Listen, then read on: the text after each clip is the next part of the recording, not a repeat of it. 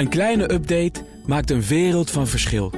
Daarom biedt IKEA voor Business Netwerk gratis snelle interieurtips en ideeën. Word gratis lid en laat je werkplek voor je werken. IKEA, een wereld aan ideeën. CMO Talk, de podcast. Marketing bekeken vanaf het hoogste niveau. Iedere maand verrassende en inspirerende gesprekken. Geleid door Klaas Wijma.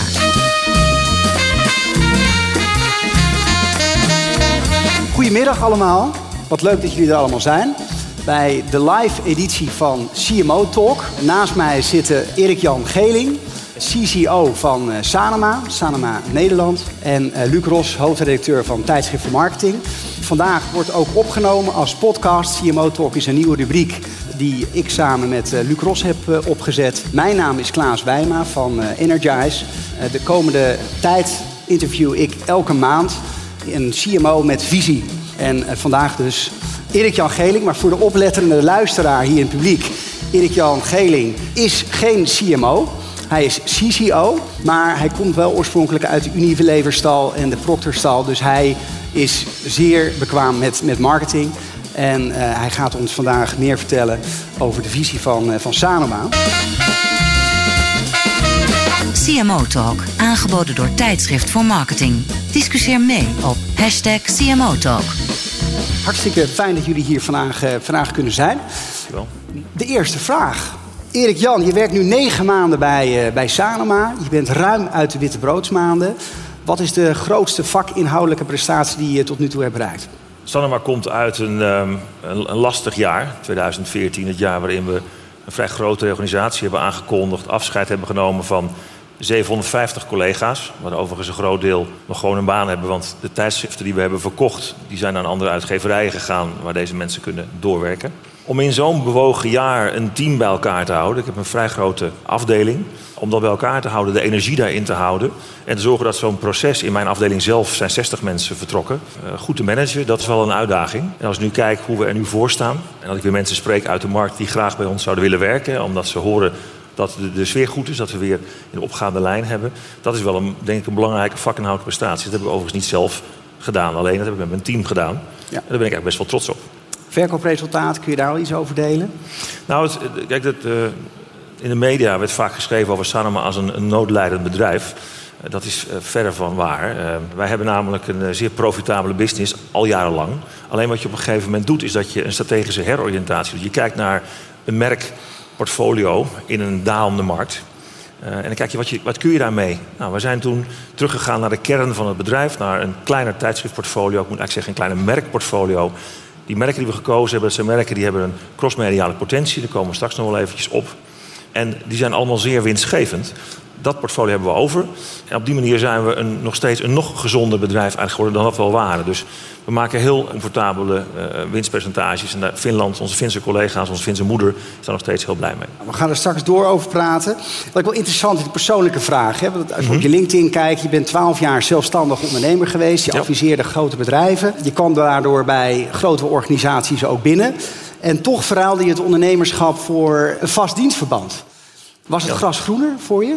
Voor mij is de constructie waarmee ik voor een bedrijf werk niet hetgene wat mij nou heel erg inspireert. Of dat nou uit mijn eigen BV is of in loondienst, dat, uh, dat, dat interesseert me niet. Het gaat meer om de opdracht zelf, de taak zelf. Ik heb na twaalf jaar een eigen BV gehad. Dat ding leeft nog steeds trouwens. Dat heb ik mezelf uit verhuurd voor um, vaak interim directierollen in, in marketing en sales. En uiteindelijk zie je dan dat uh, de leercurve daarvan wat afvlakt. Je wordt vaak gevraagd voor dezelfde type opdrachten. Mijn laatste rol was marketingdirecteur zakelijke markt bij KPN. Boeiend bedrijf. Maar uiteindelijk denk je, nou, dit wat ik hier heb gedaan, een marketingclub per se veranderen, vaker gedaan. Dus dan ga je inderdaad eens verder oriënteren. En met een tussenstap via een adviesbureau. Deloitte heb ik twee jaar gezeten. Toen kon ik dezelfde type opdrachten doen als in het verleden, maar dan veel groter. Mijn grootste opdracht was dus de reorganisatie van Sanoma. Kom je uiteindelijk dan in loondienst terecht bij, bij Sanoma. Voor mij is het om het even. Het gaat om dat ik in een omgeving wil werken die mij inspireert uh, en die niet heel erg statisch is. Nou, dat is voor de huidige baan een understatement. Je gaf net al aan, Sanoma heeft een hele turbulente tijd achter de rug. Afscheid van collega's, toch uh, het merkportfolio behoorlijk ingeklonken. Ja. Uh, nu een duidelijke focus. Ook televisiedochter SBS heeft natuurlijk een moeilijke tijd. Hoewel je daar niet te veel over kan zeggen, want je bent niet de CCO van Sanoma, even voor de helderheid. Hoe zie jij nou de toekomst van, van het mediabedrijf? De toekomst van ons mediabedrijf zie ik vrij rooskleurig in. Wat daarvoor belangrijk is dat je even abstraheert van het dominante medium tijdschrift. We zijn natuurlijk van oudsher staan bekend als tijdschriftenbedrijf. Maar we zijn een merkenportefeuille eh, die zeer goed Nederlandse vrouwen bereikt. Dat is eigenlijk het belangrijkste deel wat wij bedienen. Als je Nederlandse vrouwen wil bereiken, moet je bij, bij ons zijn. Dat, dat kunnen wij als geen ander. We hebben de breedste set aan wapens ook voor. En die merken die zijn we aan het bekijken hoe we ze tot leven kunnen wekken in andere verschijningsvormen. Ik pak even een voorbeeld uit VT Wonen. Tijdschrift kent iedereen, dat bestaat al heel erg lang. Daar hebben we nu een tv-format voor ontwikkeld. We hebben net weer de tweede serie daarvan uh, samen met SBS aangekondigd. TV-format, we hebben de website geredesigned. Die shop die we hadden heette Voor Thuis, die heet nu VT Wonen. We hebben een VT Wonen evenement, de Woonbus, volgend jaar, of dit jaar heet het eigenlijk ook VT Wonen evenement.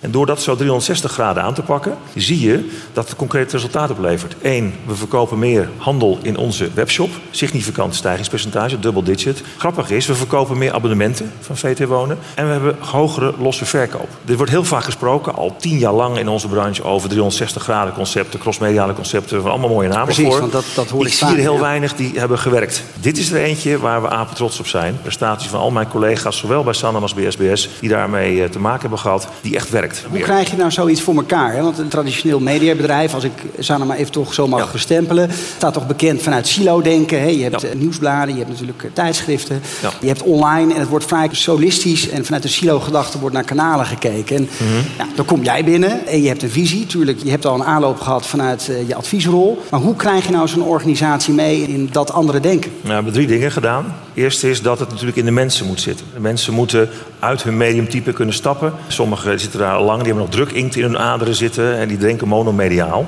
En wat je nu ziet is dat daar mensen breder zijn gaan nadenken. Die zijn eigenlijk een stap terug gaan doen en zeggen: Oké, we hebben niet alleen een, een, tijdschrift, maar we hebben ook een merk. En dat merk is relevant voor een bepaalde groep mensen. Wat kun je met een tijdschrift kun je dat invullen, die relevantie, maar je hebt er andere methoden voor. Dus mensen nadenken over een merkportfolio en niet over een tijdschriftportfolio. Dat is dus één stap terug doen. En het derde is dat je je organisatie dat moet inrichten. Je noemt de silo's, dat is bij ons intern trouwens een verboden woord, silo-denken. Maar we hebben dus print, televisie, eh, SBS, we hebben internet. Vergeet niet dat wij met nu.nl kieskeurig startpagina, Linda Nieuws, Viva Online heel veel uh, mensen bereiken. En daarnaast hebben we evenementen. Die daar doorheen, als een matrix, hebben we domeinen benoemd en domain directors benoemd. Dus we hebben een domain director vrouwen nu bij ons werken, Louise van Nispen, rapporteert ook aan Peter de Munnik. En zij kijkt dwars door alle silo's heen, gewoon naar doelgroepen en naar interessegebieden binnen doelgroepen. Binnen Women is dat bijvoorbeeld parenting, of is dat food, of is dat lifestyle, fashion. Ja.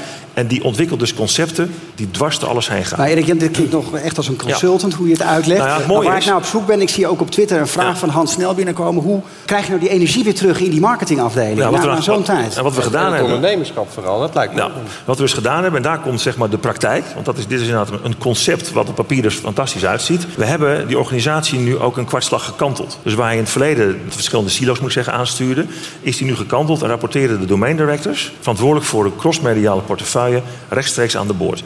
En door mensen dat mandaat te geven, en dan kom je even heel dicht bij de praktijk, zie je dat ze anders gaan werken. De vrijblijvendheid van samenwerken is er vanaf. Mensen worden echt aangesproken, ook al is het niet rechtstreeks je verantwoordelijkheid, maar heb je dotted lines naar een SBS en een dotted line aan evenementenbusiness, rechtstreeks aangesproken om dat te gaan doen. En door mensen dat mandaat te geven, zie je dat die nieuwe energie uh, teams tot een grotere hoogte moet stijgen. Dat vereist toch een bepaald soort ondernemerschap door die hele organisatie ook. Ja. En ik kan me van een redactioneel team voorstellen dat je daar allerlei ideeën leven. Ja. Uh, dat was vroeger moeilijk te adresseren. Ja. Uh, zijn die domain directors daar nou echt voor aangesteld? Staan die ook dicht op de, ja, de redactionele werkvloer, zeg maar? Ja, absoluut. Die zitten er bovenop.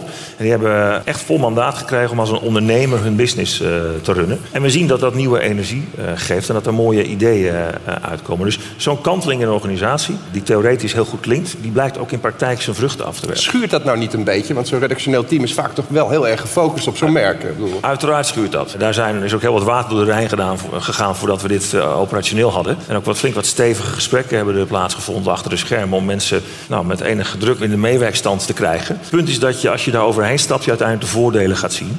Je ziet dat dit de way to go is. Wij zijn niet een bedrijf dat zich moet focussen op het maken van tijdschriften, alhoewel we dat briljant kunnen. Wij moeten verbindingen maken tussen merken en mensen. En dat is uh, op zoveel mogelijk manieren die touchpoints opzoeken en daar relevant zijn. Dat is wat we aan het doen zijn. Heb je dat uh, nu al helemaal voor elkaar qua cultuur? Want er moet natuurlijk wel wat voor veranderen. Of is dat ongoing process? Ongoing proces. We zitten toevallig... hoe, ver, hoe ver ben je in percentage? Nou, ik denk dat we, dat we net iets over de helft zijn. Deze week is toevallig, ik kom er net uit de business review... waar de mensen in ons bedrijf van de individuele afdeling hun plannen komen presenteren. En dus een ondernemerschap komen tonen. En komen laten zien wat ze de komende tijd allemaal gaan doen. En dan zie je dat sommigen dat heel goed opgepakt hebben. En anderen komen nog met een verhaal wat in stukjes is geknipt. Van praktische tips tot visie. Dit is CMO Talk. Um, ik wil naar de eerste stelling. Kan die op het scherm komen? Het einde van Facebook is nabij. 39% eens, 58% oneens. En 3% weet ik niet. En ga nou niet zeggen dat je het niet weet glazen bol heb ik niet bij me, maar het einde van Facebook is zeker niet nabij. Wat ik wel zie is dat jongere leeftijdsgroepen wegbewegen van Facebook. Ik pak even mijn NS1 twee dochters van 12 en 14 jaar. Die vinden Facebook hopeloos verouderd en oninteressant. Plus papa en mama hebben ook een account en, en kijken in alles mee. En vinden ze stom. Dus Snapchat en Instagram is de wereld waar zij in leven. Uh, overigens ook heel veel WhatsApp-groepen die ze aanmaken... waar je natuurlijk als ouder helemaal niet meer in zit. Dus daar gebeurt ook van alles waarschijnlijk wat heel uh, boeiend is. De, de wol van Facebook is toch verworden tot één groot reclamemedium eigenlijk een marketingkanaal geworden. Het heeft eigenlijk weinig nog met een sociaal netwerk te maken. Ik ben jaloers op de technologie die Facebook heeft. Atlas, hè, wat ze nu geïntegreerd hebben, waar je cross-device mensen kan volgen en kan targeten. Daar kijk ik met bewondering naar. En ik zou willen dat wij dat ook in place hadden. Precies wat je zegt, targeten, volgen, segmenteren. Juist. Ik spreek ook veel collega's die ongelooflijk veel profielen hebben verzameld... en data hebben verzameld van de bezoekers die uh, op hun websites langskomen. En om daar heel goed op te targeten is razend moeilijk. Doen jullie veel met Facebook, uh, Erik Jan? Niet, nee, nee, nee, niet heel erg veel. Wat we wel doen is dat we in de voorstellen die we klanten... Uh, afleveren, ook social meenemen. Maar dat is niet uh, een van de grootste componenten daarin. Ik wil naar de volgende vraag. Um, het gaat meer over een intern reclamebureau. Ja. Wat jullie hebben, marketing partnerships, net als RTL. RTL heeft RTL Concepts. Google heeft twee maanden geleden geopend, uh, of in ieder geval initiatief aangekondigd, Google Zoo. Ze positioneren dat niet als een reclamebureau, maar dat is het eigenlijk stiekem toch. Moeten reclamebureaus bang zijn voor mediabedrijven zoals Sanema? Nieuwe concurrentie uit de onverwachte hoek? Nou, bang zijn is denk ik niet het goede woord, maar wat je ziet in de waardeketen in onze industrie is dat waar je vroeger je vaste plekje in een schakel had, als mediabureau of als reclamebureau, als mediabedrijf, exploitant zoals wij zijn, dat dat nu beweegt. En wij verrichten inderdaad activiteiten die lijken op mediabureauactiviteiten en vice versa moet daarbij zeggen. Dus we hebben een marketing partnerships afdeling van een man of twintig, waar wij strategen hebben zitten, uh, creatieven hebben zitten, projectmanagement hebben zitten, waar we gewoon crossmediale concepten ontwikkelen. Net zoals mediabureaus dat doen, net zoals reclamebureaus. Dan gaan we over naar content marketing, het uh, buzzword van 2014 en daar daaraan gekoppeld native advertising. Ja. Uh, jij hebt daar een uitgesproken visie over. Je blogt er ook over. Het zijn op dit moment echt hot topics in marketing, ook op Me. Ook veel bureaus duiken erop. Volgens mij wordt elke week wel weer een nieuw content marketingbureau geopend. Hoe passen jullie nou content en native advertising binnen je eigen organisatie toe? Ja, wij, wij profileren ons, uh, zoals vandaag ook weer, op alle evenementen waar we het verhaal vertellen. Al dan niet ingekort door de dagvoorzitter, zeg maar. Kijk, native is voor ons een interessante ontwikkeling, omdat, pak even als voorbeeld nu.nl, waar je dus de balans probeert te vinden tussen native advertising, de concepten die we daar ontwikkelen voor onze klanten, waar ze heel blij mee zijn, maar ook een redactionele formule waar je je merkidentiteit aan ontleent. En hoe meer je native laat vermengen met die redactionele inhoud, hoe meer je merkidentiteit en dan krijgen we issues. Uiteindelijk gaat ons bereik daardoor omlaag. Dus wij hebben uh, vanuit nu uh, kijken we met gezonde interesse naar native, maar proberen het wel binnen de perken te houden. En vanuit de business proberen we het juist te stimuleren. Nou, die, die, die spanning zit daarin. Wij komen zelf als bedrijf op allerlei uh, gelegenheden met, met onze talks waar we proberen ons verhaal op het podium te verkondigen. En voor adverteerders? Jullie bieden ook native advertising, Absoluut. content marketing ja, aan in absoluut. die, ja. in dat, is, dat is een van de taken die onze afdeling Marketing Partnerships heeft. We hebben trouwens nog een heel bedrijf, head office in Hilversum zit, het vroegere Hemels, waar we Flying Dutchman maken en wat voor Audi en voor, voor Kia en voor Ikea. Waar we volledig met adverteerders samen een commercieel verhaal maken in een mooie editorial context. Hoe groot is dat ongeveer qua percentage, qua omzet? Hoe significant is, is die tak van de business van Sanoma? Nou, dat is wel vrij significant. Ik denk als je kijkt naar mijn totale salesomzet, dat dat ook zo'n 10, 15 procent uh, is. Okay. Head office in uh, Hilversum zit een man of 80, uh, geloof ik. Dat is een flink bedrijf. Dus met het native advertising, dat heel vaak is dat echt telemate. Hè? Dat zijn één op één verhalen eigenlijk, ja. die je met adverteerders adverteerders via de kanalen wil vertellen. Heb je daar ook steeds mensen van de redactie bij zitten als een soort consultants? En... Om concreet weer te maken, van de week een gesprek over een reisplatform. Waar een reisaanbieder bij ons komt en die zoekt eigenlijk een relevante context om zijn commercieel aanbod in te plaatsen. Dat is even platgeslagen wat de vraag is. Dan hebben wij heel veel materiaal op voorraad. Vanuit de bladen natuurlijk allemaal reisonderdelen waar ze in het verleden al hebben geschreven. We hebben een content library waar we dat uit kunnen halen. En daarnaast kunnen we zelf redactionele content voor ze ontwikkelen. En dan maak je een omveld waarbinnen zij hun commercieel aanbod kunnen doen op een manier die raakt aan een native, maar waar toch wel het onderscheid heel helder is. Dus dat omveld bieden, zowel in een blad als online, als in een programma. Dat is waar wij ons steeds verder in kwamen. En redacties vinden dat hartstikke mooi, want dan hebben ze andere manieren om over hun passie te schrijven. Ik wil door naar de volgende stelling. Small data komt voor big data. Ja, de antwoorden van de zaal. 45% om 42%. Ja, dat is natuurlijk de grote vraag. Wat is eigenlijk big data en wat is small data? Erik Jan, hoe kijk je naar deze stelling? Nou, het grappige is, ik zou die mensen die uh, weten wat je met big data moet doen, graag eens uh, spreken. Wij worstelen in alle eerlijkheid zelf behoorlijk mee. Daarvoor hebben we het probleem maar in stukjes opgeknipt. En zijn wij eerst begonnen om met kleine delen van onze ongelofelijke brei aan data relevante dingen te doen. bijvoorbeeld in de abonneewerving slimmere campagnes te draaien. Bijvoorbeeld in ehm, het kijkgedrag op een goede manier te analyseren. We willen naar uiteindelijk addressable TV toe aan de SBS-kant. We willen graag naar één op één relatie met onze kijkers. En we willen op termijn data leveren aan onze adverteerders naast GRP's. Nu is het GRP's met soms een beetje data, maar we willen data leveren, heel specifiek. En mensen een beleving eh, bieden die eh, echt, echt één op één is. Daar zijn we nog ver vandaan. Maar stapje voor stapje pakken wij bij ons in het bedrijf small data projecten op. Begin klein, maar denk groot. Ja, weet je, big data is natuurlijk ook zo weer zo'n zo'n buzzword wat, waar je heel lang over kan praten. Wij maken het graag in het bedrijf concreet en hakken grote problemen graag in kleine stukjes. We gaan nog even naar de volgende vraag. en geïnspireerd uit de grote marketing-enquête van Tijdschrift voor Marketing. Mobile uh, staat op de agenda uh, voor marketeers 2015. Natuurlijk, want ik denk dat alles mobile uh, en video wordt in de toekomst. In welk opzicht verschilt content die jullie ook voor mobile devices aanbieden ten opzichte van reguliere content voor, voor adverteerders? Standaard antwoord daarop is natuurlijk dat je op een klein schermpje niet de hele lange longform teksten moet krijgen. Wat natuurlijk in praktijk zo is, als je de, gewoon de webversie van nu gaat bekijken op je telefoon, krijg je dezelfde lange teksten. In onze app kunnen we daar nogal wat naar sturen en een Snapier maken. Uiteindelijk moeten we dat medium relevant houden. Waar ik van baal, is dat advertising zo achterblijft op mobiel. Waar praat je dan ongeveer over? Dat het nou, ik vind, ik, bij ons is er maar een, een, paar procent van het budget wat naar mobiel gaat, vaak nog als test. Ik ben zeer bereid om, om tests te doen, overigens met, met grote bedrijven, om eens te kijken hoe we het nou echt concreet kunnen laten werken. We hebben prachtige voorbeelden van advertising. Dit is over trouwens iets, spreek even voor de branche. Alle aanbieders op mobiel, de grote netwerken, die um, zouden wel, daar wat meer mee willen experimenteren. Ik vind dat uh, het verkeer zien we enorm verschuiven naar mobiel. Dus kennelijk heb je daar bereik. En ik snap wel dat je met advertising daar ook op in moet spelen door simpele vormen te laten zien op, zo, op zo'n klein schermpje. Maar je hebt hele leuke manieren van interacteren. En daar, daar kun je groot resultaat mee boeken. Merk je in gesprekken met adverteerders dat de adverteerders wellicht daar ook huiverig in zijn? Want ja, je mobiel, je smartphone is je most personal device. Het komt heel dichtbij en dan... Ja ja, zitten mensen dan te wachten op een grote commerciële uiting? Op... Nou, kijk, de kunst is natuurlijk, weer, dan kom ik even terug bij mijn small data, ja. dat je uiteindelijk eh, met scherp schiet in plaats van met hagel. En wat wij proberen aan de achterkant, hè, we gaan ook een project starten waar we met een login op de verschillende apparaten kun je dan onze diensten bereiken. Daardoor gaan we je ook herkennen en kunnen we je ook relevanter bedienen met advertising in plaats van dingen op je af te vuren waarvan je denkt, wat moet ik hier, uh, moet ik hier mee? Loop je dan trouwens niet net het risico dat als je daar net naast zit, hè, dus je hebt me ge je bent erachter gekomen, ik ben man en die leeftijdscategorie, dat is ongeveer mijn interesse. En je pakt net, net het verkeerde aanbod, bij wijze van spreken. Je zegt tegen mij van, nou, Luc, ga eens een grote reis maken. Terwijl ik net van een grote reis terugkom. Dan denk ik, dan is de irritatiefactor eigenlijk net iets groter. Bijna raak is ook mis, dat is, ja, correct. Is dat een effect dat tegen je gaat werken dan? Nou, ik weet niet of het tegen je werkt, maar het is wel bloedirritant. Om het weer concreet te maken voor mezelf als ik eh, aan het shoppen ben op internet. Mijn kinderen moeten het lachen, want 99% van wat ik koop is online. Eh, ik kom niet in winkels, dat vind ik helemaal niet leuk. Je moet de kunst van om alles online te bestellen. En ik word zo vaak nog gestalkt nadat ik iets daadwerkelijk heb gekocht in de retargeting met exact hetzelfde aanbod. Dat irriteert mij mateloos. En dat kunnen we dus als industrie nog steeds niet oplossen. Dat gaat overigens breder dan voor ons eigen bedrijf. Maar veel retargetingpartijen die mij aanbieden met ons samen te werken. En die zeggen nee, dat, dat gebeurt bij ons echt niet. We weten precies wanneer iemand iets gekocht heeft. Nou, die zie ik s'avonds gewoon weer voorbij komen. En die blijven mij spammen met dat paar schoenen of wat have you. Dat is heel irritant. Erik Jan, ik wil naar een, een Twitter-vraag. Er zijn een aantal twitteraars die daar toch wel antwoord op willen hebben. We gaan even terug terug naar, naar native advertising.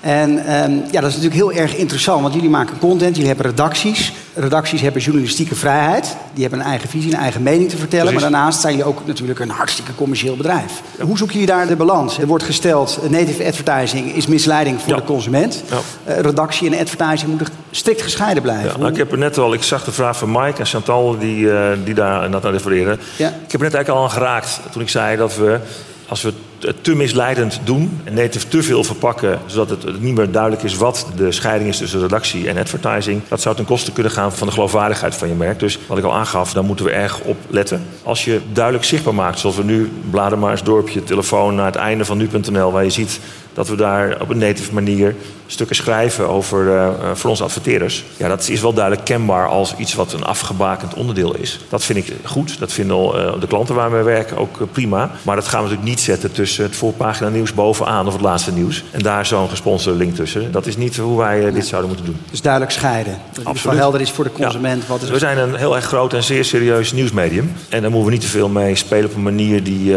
niet geloofwaardig is en die afbreuk doet aan uiteindelijk de relatie die we hebben met onze lezers. Want daar gaat het eigenlijk om. Met, met verbazing, al, al jaren kijk ik naar de bereikstaf voor mediabureaus, maar ook voor mediabedrijven als Sanoma. En dat is de GRP.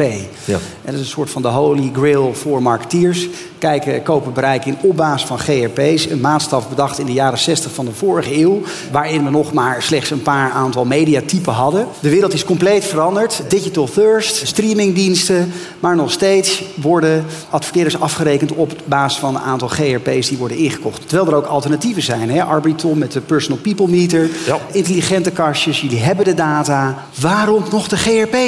Diezelfde vraag kreeg ik tien jaar geleden toen ik marketingdirector was bij UPC en digitale televisie aan het lanceren was. Omdat toen natuurlijk de kans kwam dat je in een set box het gedrag kan bekijken van de kijkers. Een veel grotere steekproef kan nemen in plaats van de 1200 kastjes die in het land staan. En op basis daarvan tot een betere afrekening gaat komen. Tien jaar later is daar nog niets in veranderd. En waarschijnlijk, ik zal geen tien jaar zeggen, maar gaat de komende vijf jaar daar ook niet heel erg veel in veranderen. Hoe komt dat? Nou, dat komt omdat het traditionele model voor de huidige sector prima werkt. Er is een goed evenwicht. Het is een afrekenmodel dat, um, dat helder is. Ik zal niet zeggen dat het extreem transparant is, maar het is helder en duidelijk en is de standaard waar we mensen mee zijn te werken.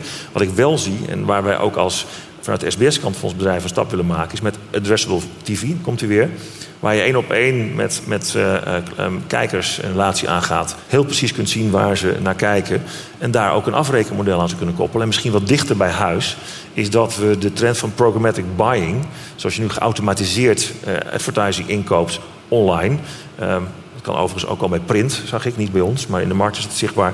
Dat gaat ook naar tv toe. En als programmatic buying naar tv gaat, zul je ook zien dat er andere afrekenmodellen komen. Dus ik zie, nog, ik zie een groeimodel uiteindelijk naar een nieuwe standaard. En die GRP's, ja, wij vinden het interessant om af te rekenen over een tijdje op data. Want dat is uiteindelijk waar het zit. En daar kunnen we ook het verschil maken, denk ik, als, als mediabedrijf. Het is toch interessant dat je zegt dat die maatstaf compleet helder is. Want ik vind hem totaal niet helder. Hij is niet transparant. Nou, hij werkt nu voor de, in de huidige context. Wij willen voortrekker zijn. SBS groep wil een voortrekker zijn op addressable TV, wil daarmee gaan experimenteren. Alleen als je dan even naar het verleden kijkt, 2009 kwam Philips met zijn net-TV in Nederland. Toen zou Smart TV en over-de-top TV, dat waren toen een van de buzzwords uit onze sector. Dat zou de holy grail zijn. En dan kon je over de top kabelmaatschappijen voorbij mensen rechtstreeks bereiken. Ook alweer zes jaar geleden. Ja. En kijk waar we nu staan. Veel tv's die gekocht worden hebben een connection. Maar we kijken nog compleet trouw aan kabelbedrijven op de set box die er ook al tien jaar is. CMO Talk. Discussieer mee op hashtag CMO Talk. Ik wil graag naar de volgende stelling. Doelgroep denken is passé. Ja. 80% is het mee eens. Interessant. 18% is het oh, mee dat vind ik een opvallend uit. Ik ook. Opvallend. Ja. Ik had ja, hem andersom verwacht. Ja, dat ik ook andersom verwacht. Erik Jan. Doelgroepdenken is passé. Nou eh, kennelijk niet, vindt de sector.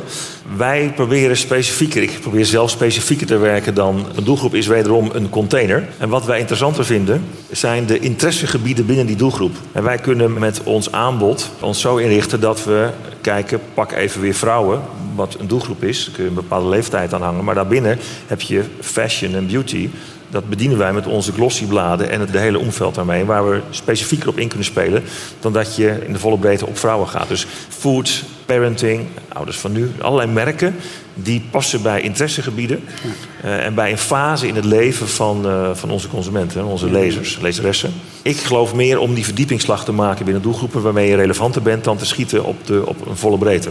Draai ik hem even om, kijk ik vanuit media-inkoopperspectief. Ja, daar kom ik nog heel vaak de, de klassieke doelgroepbenadering tegen. De boodschappers is uh, de, de, bekendste, geloof ik, op tv. Ja, dat gaat nog steeds, bijna in elke briefing wordt dat zo genoemd. Hè. Zou het misschien zo kunnen zijn dat mentaliteit als doelgroep een belangrijke rol gaat spelen? In plaats van dat we echt zo demografisch, zoals jij net als voorbeeld geeft, leeftijd, geslacht en dergelijke. Ik bedoel, de, als je zo'n uh, Triodos uh, Roel Welsing hoort, die zegt van ja, wij, uh, wij richten ons echt op de cultural creatives. Ja, dat ja. is in feite een groep met 18 tot 80-jarigen. Alles door elkaar, allerlei inkomensniveaus. Nou, het grappige is, als ik even naar mijn verleden als marketeer denk, dat we dan presentaties kregen van mooie bureaus. Die hadden dan al dit soort namen, Culture Creatives en uh, weet ik veel, Young Urbans, allemaal dat soort segmenten. En dan vroeg ik altijd, waar bereik ik die? Ja, dat zit ergens in die boodschappersgroep. Op Lowlands, toch? Dan moet je weer, moet, ja, precies, dat is dan heel specifiek. Maar dan moest je weer targeten op de... Dus er werd heel veel onderzoek gedaan naar kleine groepen... en je kon ze niet bereiken. Nu, veel jaar verder, zie je dat er heel veel onderzoek wordt gedaan... naar die specifieke profielen... maar dat je ze ook kan bereiken, omdat je ze online kan targeten. Je kan ze in de digitale wereld wel vinden. En met selectieve evenementen en selectiviteit van bladen. Maar er zijn meer tools om in een doelgroep hem af te pellen op interessegebied en mensen daar te bereiken. Dus de wereld is voor ons beter geworden. Ik uh, wil niet zeggen dat iedereen nu uh, het doelgroepdenken moet afschaffen, want dat zit nog in heel veel systemen ingebakken. Gaan naar een, uh, een visievraag. Ik weet, binnen een mediabedrijf gaan de ontwikkelingen razendsnel, helemaal in deze tijd. Maar toch even jouw visie. Bestaan tv en print in 2025 nog? Ja, natuurlijk. Alleen wat we zal zien is dat de verhouding daartussen anders zal zijn. En wat ik interessanter vind dan praten over platformen is de stap daarvoor.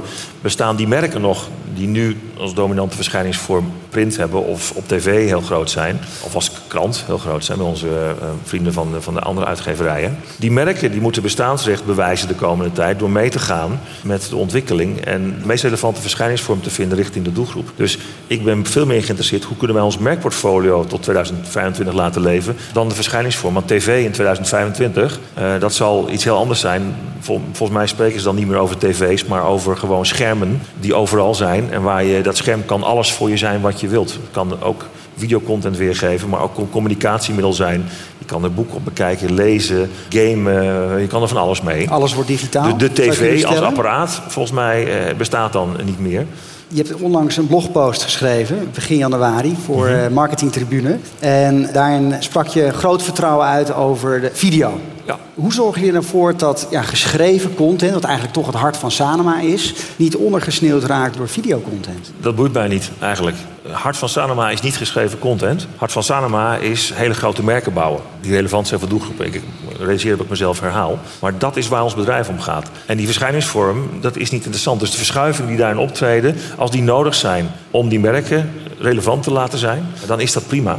Dus en, andere competenties, andere mensen, ja. andere skillsets. Ja, dus de mensen die wij nu aantrekken, die hebben een veel betere kijk op de business. We trekken veel meer merkdenkers aan. Die hebben we echt nodig. We moeten mensen aantrekken die, die crossmediaal kunnen nadenken. In verhalen kunnen vertellen, in welke vorm dan ook. Dat kan bewegend beeld zijn, een stilstaand beeld zijn.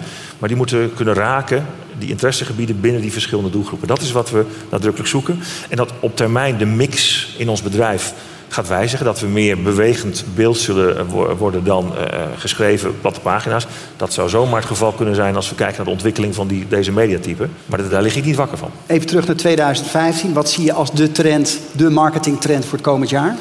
Er zijn er heel veel geautomatiseerd inkopen van advertising.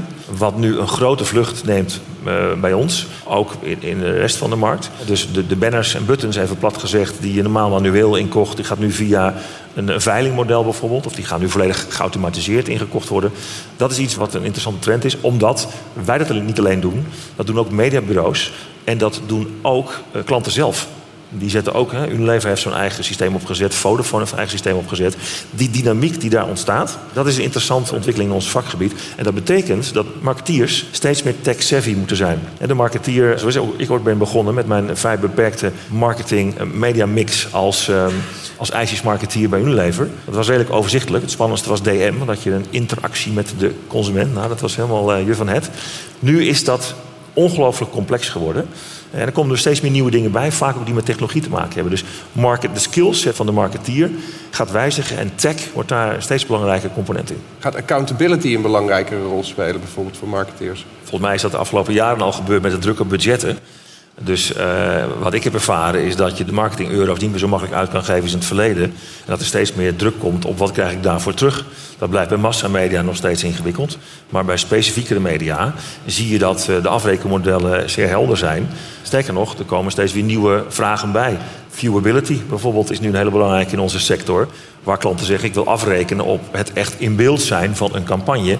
En alles wat je uitserveert op plekken die niet zichtbaar zijn geweest... of niet lang genoeg zichtbaar zijn geweest, betaal ik niet meer voor. Dat is natuurlijk gedreven vanuit het perspectief van adverteerders... dat ze accountable hun geld willen inzetten. En dat kan ik me ook wel voorstellen dat het gebeurt. Uiteindelijk kun je die, die, die euro's maar één keer uitgeven. En hoe beter je het kan meten hoe beter je uiteindelijk kan rechtvaardigen dat je nog meer budget Zit jij vaker nu ook met de adverteerders aan tafel die gewoon zeggen van... nou, dit, hè, wat Tom de Bruyne zegt, van het gaat om conversie. Het gaat uiteindelijk puur om conversie en dat betekent meetbare procenten... en het over tandpasta die we verkopen. Ja, Zeker. Hoor je dat ook vaker? Ja, ik zit uh, vaak met klanten samen waar we de hele funnel bespreken. Dus waar we aan het begin van de funnel, hè, als je ja, IDA bijvoorbeeld even als leidraad neemt, aan de voorkant beginnen met onze massamedia om die awareness te creëren. Uiteindelijk kunnen we met onze specifieke mediumtype en met performance-based, wat wij nog achteraan toevoegen, echt zorgen dat daar click-outs komen naar, naar webshops. En dat we zorgen dat de performance daar wordt gemeten. Dus over de volle breedte hebben we die gesprekken.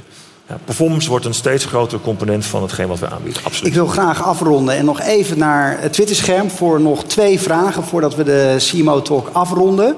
Personalisatie in plaats van doelgroepdenken van uh, Opines. De mens is uniek. Hard werken voor marketeers anno 2015.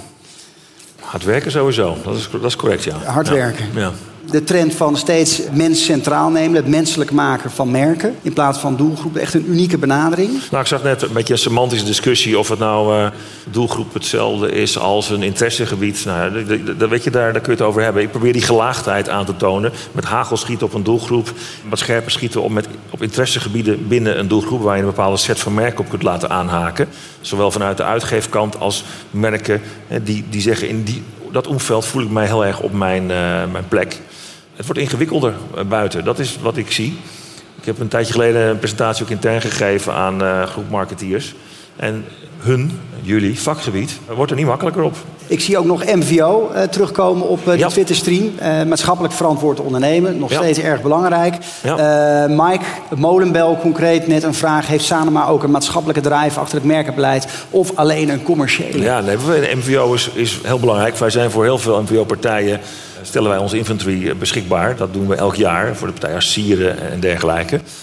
ook ik zelf, vorige week nog een dag... ik heb mijn baan een dag opgegeven vorige week in het kader van Baas voor een Dag. 100 kinderen uit uh, achterstandswijken die wel een profiel hebben op school dat ze toekomstig baas zouden kunnen worden. Die geen rolmodellen hebben in hun sociale context. Die nooit een bedrijf van binnen hebben gezien en zeker niet hoe een baas daar dan werkt. Dus ik heb mijn baas overgedragen aan twee meiden uit groep 8. En die hebben vorige week bij mij rondgelopen en die hebben vergaderingen bijgewoond, gebrainstormd over Fashionista, over Tina, over Donald Duck. Mijn collega's die gingen hun bonusformulier nog even laten tekenen door deze dames. Uh, en uh, ze vonden het allemaal heel cool. Ik had ze zelf opgehaald op school en ze zaten achter in mijn auto en dat vonden ze allemaal heel spannend. Dat zijn dingen waar wij heel graag aan meedoen. Dat we het belangrijk vinden, vind ik zelf ook belangrijk om daar tijd voor vrij te maken. Want we hebben, zeker als een groot bedrijf als Sanoma SBS, ook een heel belangrijk maatschappelijk gezicht. En die verantwoordelijkheid pakken wij ook graag op. Dankjewel. We zijn er doorheen. We kunnen nog uren doorpraten. Helaas, we hebben een bepaald tijdschema. Uh, dit was CMO Talk Live op uh, MI 2015. Iedereen dank voor je komst. Ook voor de luisteraars van de podcast, dank voor het luisteren. Voor vragen volg de hashtag CMO Talk.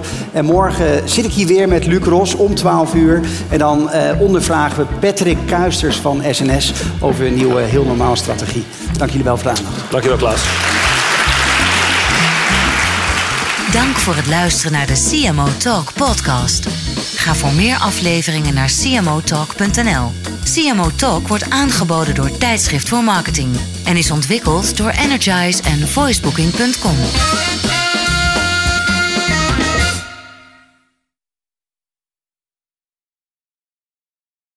Het inrichten van je eigen zaak is best wel wat werk.